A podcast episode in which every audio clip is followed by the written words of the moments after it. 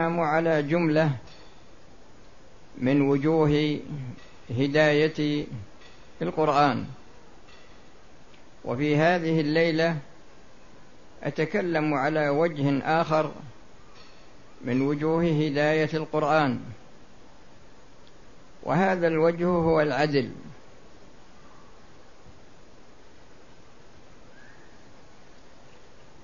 وقد جاءت أدلة من القرآن وكذلك جاءت أدلة من السنة من الناحية القولية ومن الناحية العملية للرسول صلى الله عليه وسلم. وهكذا تطبيق القرون المفضلة قرن الصحابة والتابعين وأتباع التابعين وتابعيهم.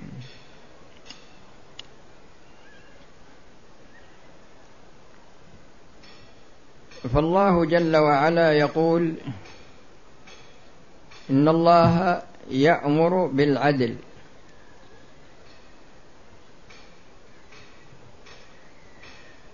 وكلمة العدل كلمة عامة لأنها صفة واقترنت بأل والصفة إذا اقترنت بأل تكون عامة والعموم قد يكون في الأفراد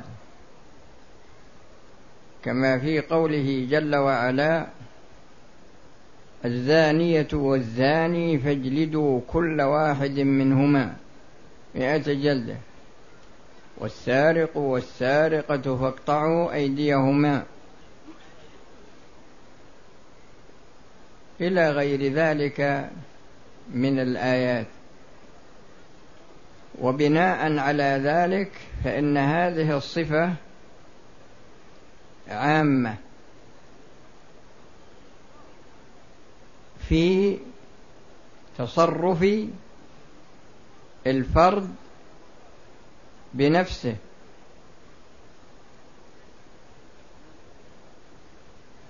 وفي تصرفه فيما ولاه الله عليه. وفي تصرفه فيما ولاه الله عليه. وفي تصرفه فيما بينه وبين الناس من ناحية التعامل.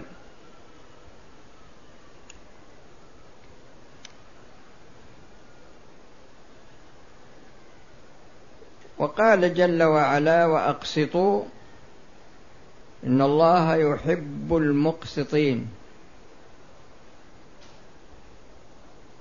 وقال صلى الله عليه وسلم المقسطون على منابر يوم القيامة إلى آخر الحديث. والمقسطون هم الذين يعدلون. في أنفسهم وفي ما ولاهم الله عليه.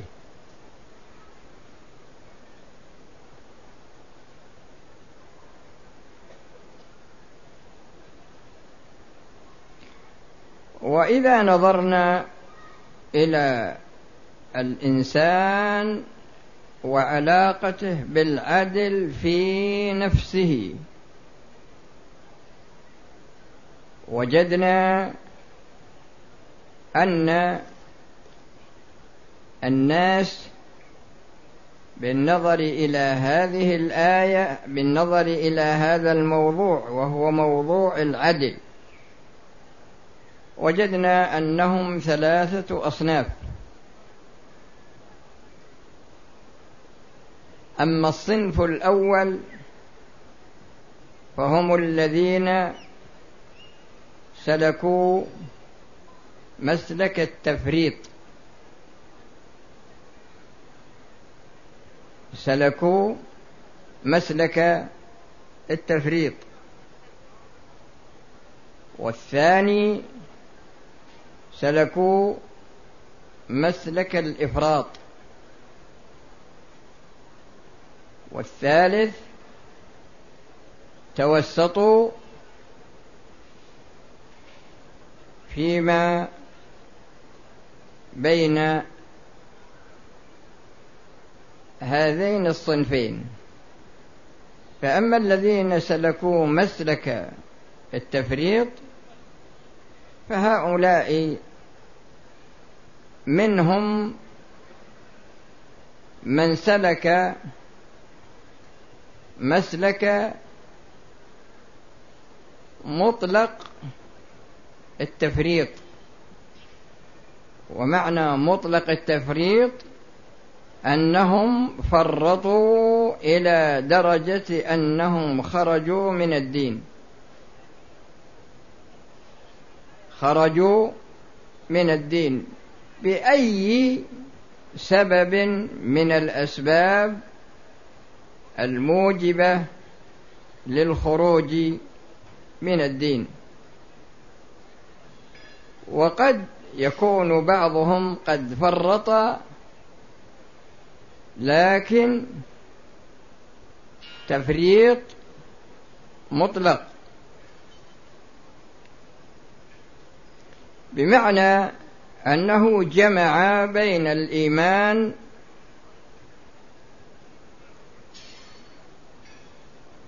وما يكون فيه أثر على الإيمان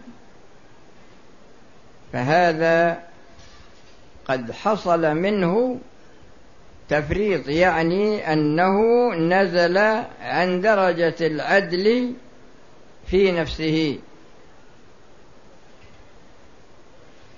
والثالث هذا سلك مسلك العدل. وهذا الصنف قد يكون سلك مسلك العدل من جهة الإجمال. وقد يكون سلك مسلك العدل من جهة التفصيل. وعندما ننظر إلى الأعمال التي تعبد الله بها خلقه العبادات العملية. نجد أن بعض الناس يسلك فيها مسلك العدل بمعنى أنه يعمل بين موازنة بينها. فلا يطغى أحدها على الآخر.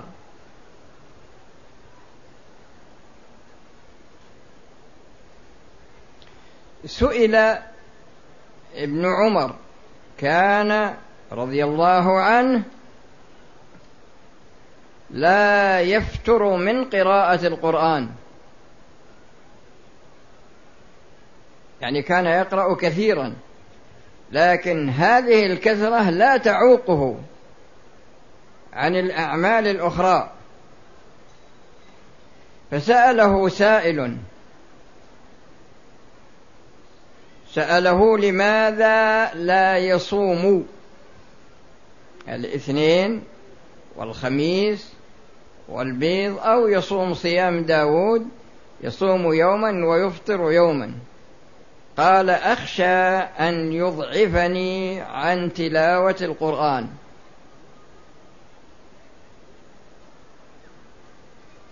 فالشخص في موقفه مع أداء العبادات هو محتاج إلى أن يعمل. موازنة فيما بينها بمعنى أنه لا يغرق في نوع ويكون إغراقه في هذا النوع له تأثير على النوع الآخر. مثل إنسان يصوم الصيام طيب. يصوم يوما ويفطر يوما. لكن هذا الصيام يضعفه إلى درجة أنه قد يخل بالفرائض. وقد لا يأتي بشيء من التطوع. التطوع يعني يفعله الإنسان ابتداء. يعني ليس. ليس كالرواتب لا. هذا تطوع ينشئه الإنسان من نفسه. يتطوع الضحى يتطوع بين الظهر والعصر يتطوع بين المغرب والعشاء يتطوع في الليل. لكن صيامه أضعفه لا يأتي بشيء من التطوع. وأضعفه أيضا لا يقرأ القرآن إلا قليلا. مع أن قراءة القرآن لها فضل عظيم.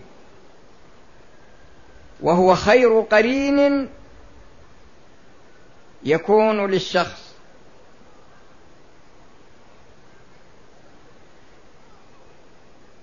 أو إنسان مثلا يكثر من الإتيان بالعمرة يتردد كثير. لكن هذا التردد للعمرة يضعفه عن عبادات أخرى. أو يحج كل سنة دائما ولكن هذا الحج يضيع عليه أمورا أخرى من أمور عباداته. فإذا الشخص في علاقته بالله يعمل موازنة بين الأمور التي طلبها الله جل وعلا ويعطي كل أمر حقه بحيث أنه لا يطغى أمر على أمر. وهذه كما ذكرت لكم هذه كلها عبادات. لكن لا بد أن, يت... أن يعمل الشخص موازنة فيما بينها. ومثل إنسان يشتغل في التطوع في الصلاة دائما. دائما لكن يشغله هذا التطوع عن مثلا قراءة القرآن. أو يشغله يعني المهم أنه يشغله عن عبادة واجبة. يشغله عن عبادة واجبة أو يشغله عن عبادة مسنونة. فهو فالواجبات لا إشكال فيها من ناحية الإتيان بها. لكن الكلام في الأمور المشروعة على سبيل التطوع فيعمل موازنة بينها بحيث أن بعضها لا يطغى على البعض الآخر. وعلى هذا الأساس يكون قد سار على هذه الصفة. إن الله يأمر بالعدل مشى على هذه الصفة في تطبيق علاقته بالله جل وعلا بحيث أنه يستوفي الفرائض وهذا لا إشكال فيه ويستوفي جميع أنواع التطوع ولكن لا يطغى تطوع على تطوع آخر. هذا بالنظر إلى علاقة الإنسان بنفسه من هذا بالنظر إلى علاقة الشخص بالعدل باعتبار نفسه فيما بينه وبين الله. يبقى بعد ذلك علاقة الإنسان بالعدل فيما بينه وبين الله وفيما بينه وبين الاشتغال بأمر الدنيا. الإنسان مطلوب منه أن يعبد الله ولكن مطلوب منه أن يطلب الرزق. ولهذا يقول الله جل وعلا وابتغ فيما آتاك الله الدار الآخرة ولا تنس نصيبك من الدنيا. ولا تنس نصيبك من الدنيا. ويقول جل وعلا والذين إذا أنفقوا لم يسرفوا ولم يقتروا وكان بين ذلك قواما.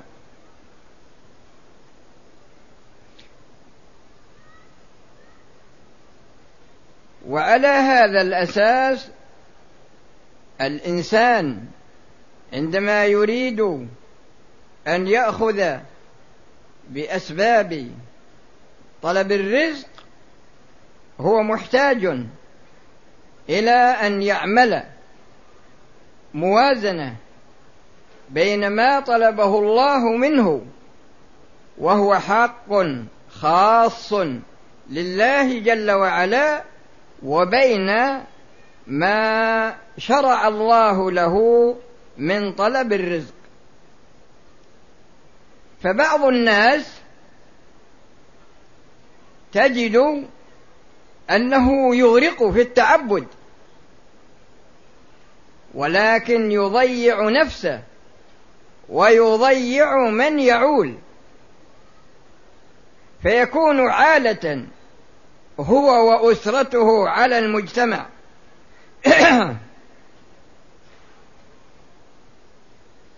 وهذا لا شك أنه لم يسلك مسلك العدل. وفي طرف آخر تجد أنه يغرق في الاشتغال في الدنيا. إلى درجة أن هذا الشغل ينشأ عنه خلل في دينه في عباداته الواجبة. بعض الناس موجود أنا أحكي لكم أشياء يسأل الناس يسألون عنها. بعض الناس يموت ما حج الفرض.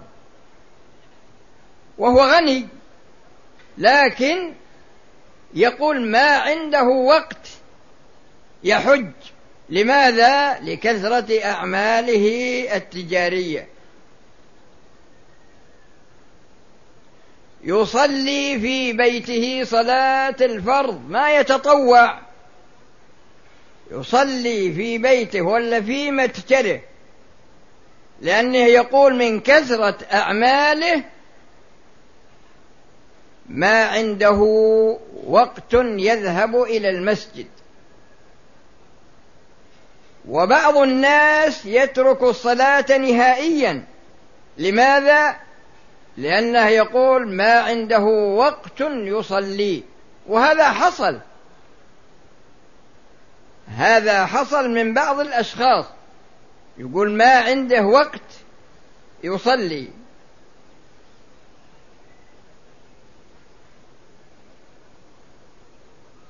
تزوج رجل امرأة. وبعد صلاة العشاء لا أدري عاد هو صلى في البيت ولا صلى في المسجد لكن المهم كيف ينشغل الفكر في الدنيا انشغالا متصلا. فبعد صلاة العشاء جلس على مكتبه التجاري في البيت وطلب منها ماء يريد أن يشرب. بدأ يشتغل. هي أتت بالماء ووقفت به ومن الأدب ما قالت له خذ الماء. انتظرت لعله يرفع رأسه وينظر إليها ويأخذ الماء. فاستمرت واقفة حتى أذن الفجر وهو لم يرفع رأسه من عمله إليها. فلما أذن الفجر قال لها ما هذا؟ قالت هذا أذان الفجر. قال وأنت ما الذي جاء بك هنا؟ قالت أنت طلبت ماء بعد صلاة العشاء. قال وأنت لا زلت واقفة في هذا المكان من من بعد صلاة العشاء إلى الآن. قالت نعم أنتظرك ترفع رأسك وتأخذ الماء. فأخذ ورقة بيضاء وأخذ القلم وقال اطلبي ما شئت. فقالت أرجو أن تكتب طلاقي. فانظروا كيف تمكن العمل التجاري من رأسه ما يزيد عن ست ساعات أو سبع ساعات ما رفع رأسه.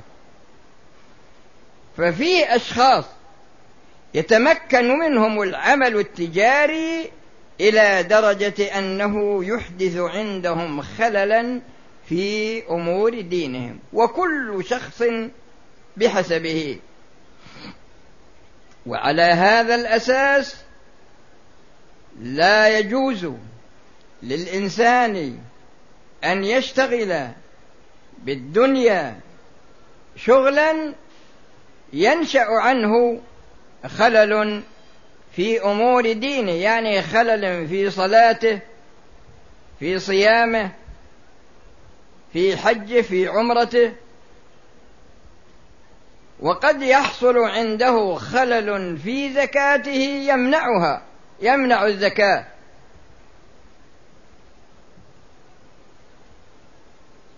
هذا من جانب في جانب آخر في طلب المال. يعني إن الإنسان أيضا يسلك مسلك العدل في طلب المال.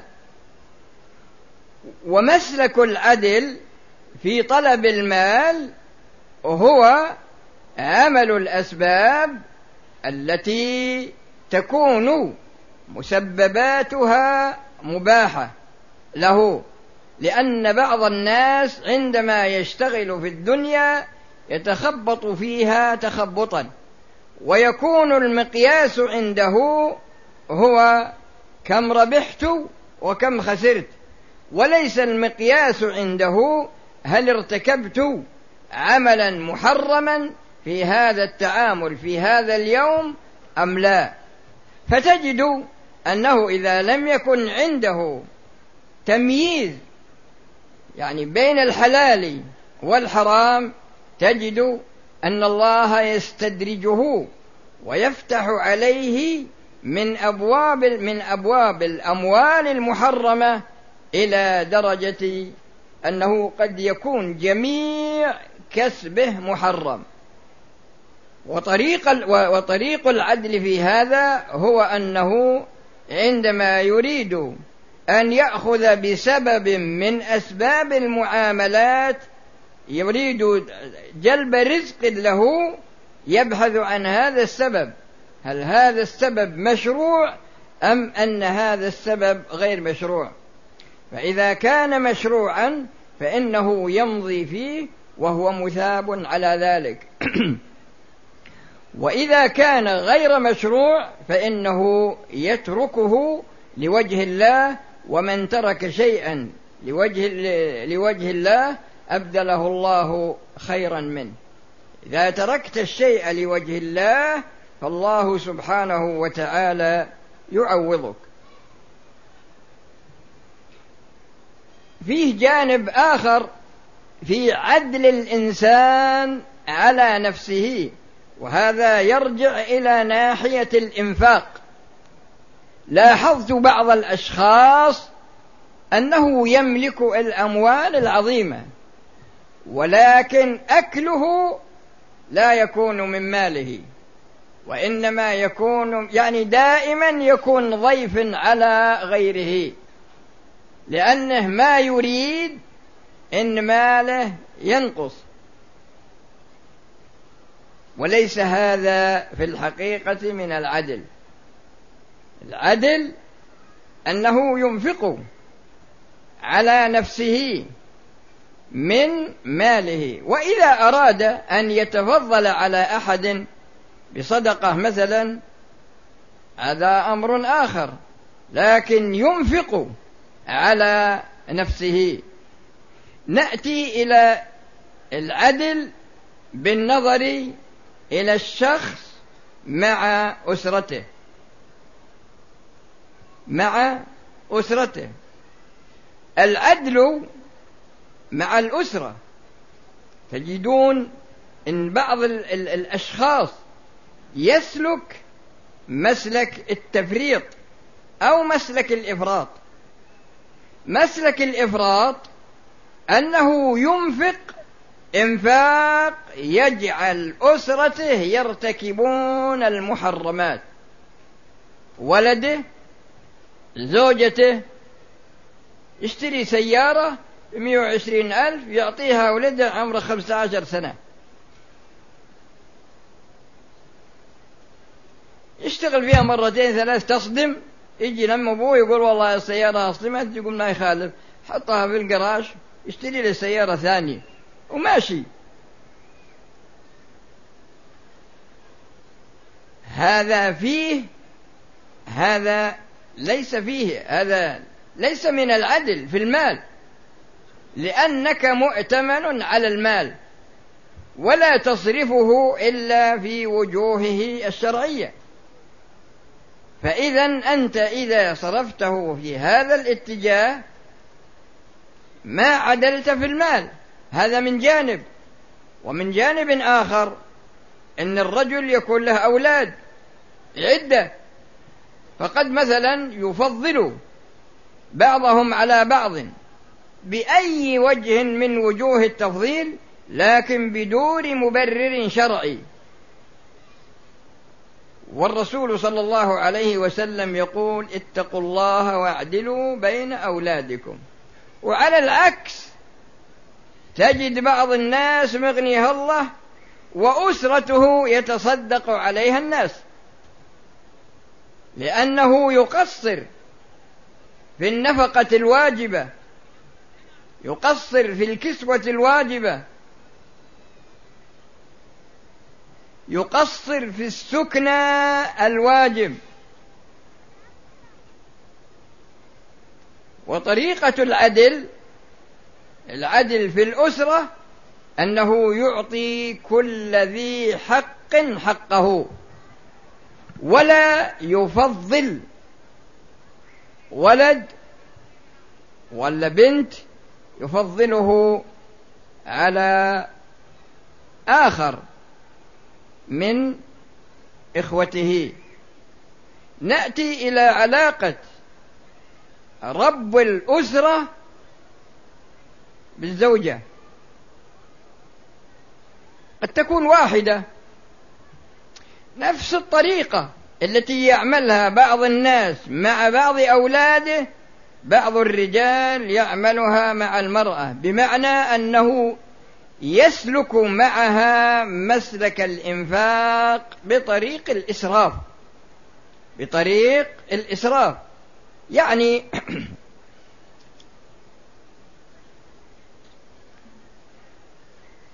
يعني ينفق عليها إنفاق إلى درجة الإسراف. ومن المعلوم أن الإسراف محرم. وهو خارج عن طريق العدل.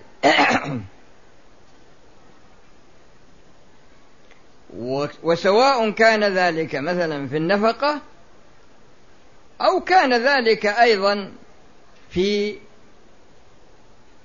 الكسوة.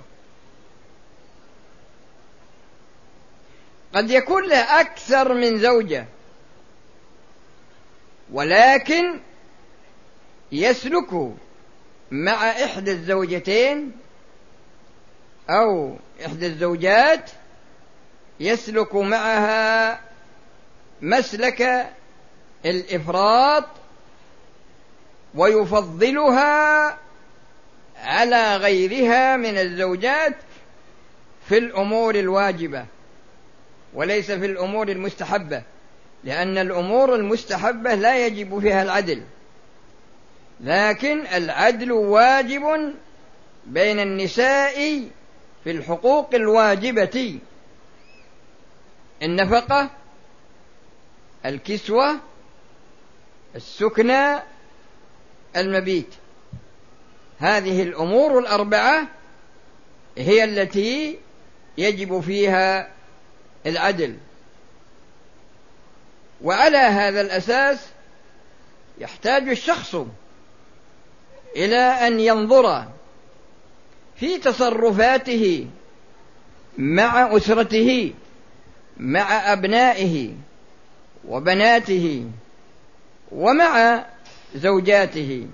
نأتي إلى الشخص في تعامله مع الناس مع أفراد الناس. الرسول صلى الله عليه وسلم قال لا يؤمن أحدكم حتى يحب لأخيه ما يحب لنفسه. وهذا هو مقتضى العدل. فعندما تريد أن تتصرف مع شخص انظر إلى هذا الأمر الذي تريد أن تتصرف فيه معه.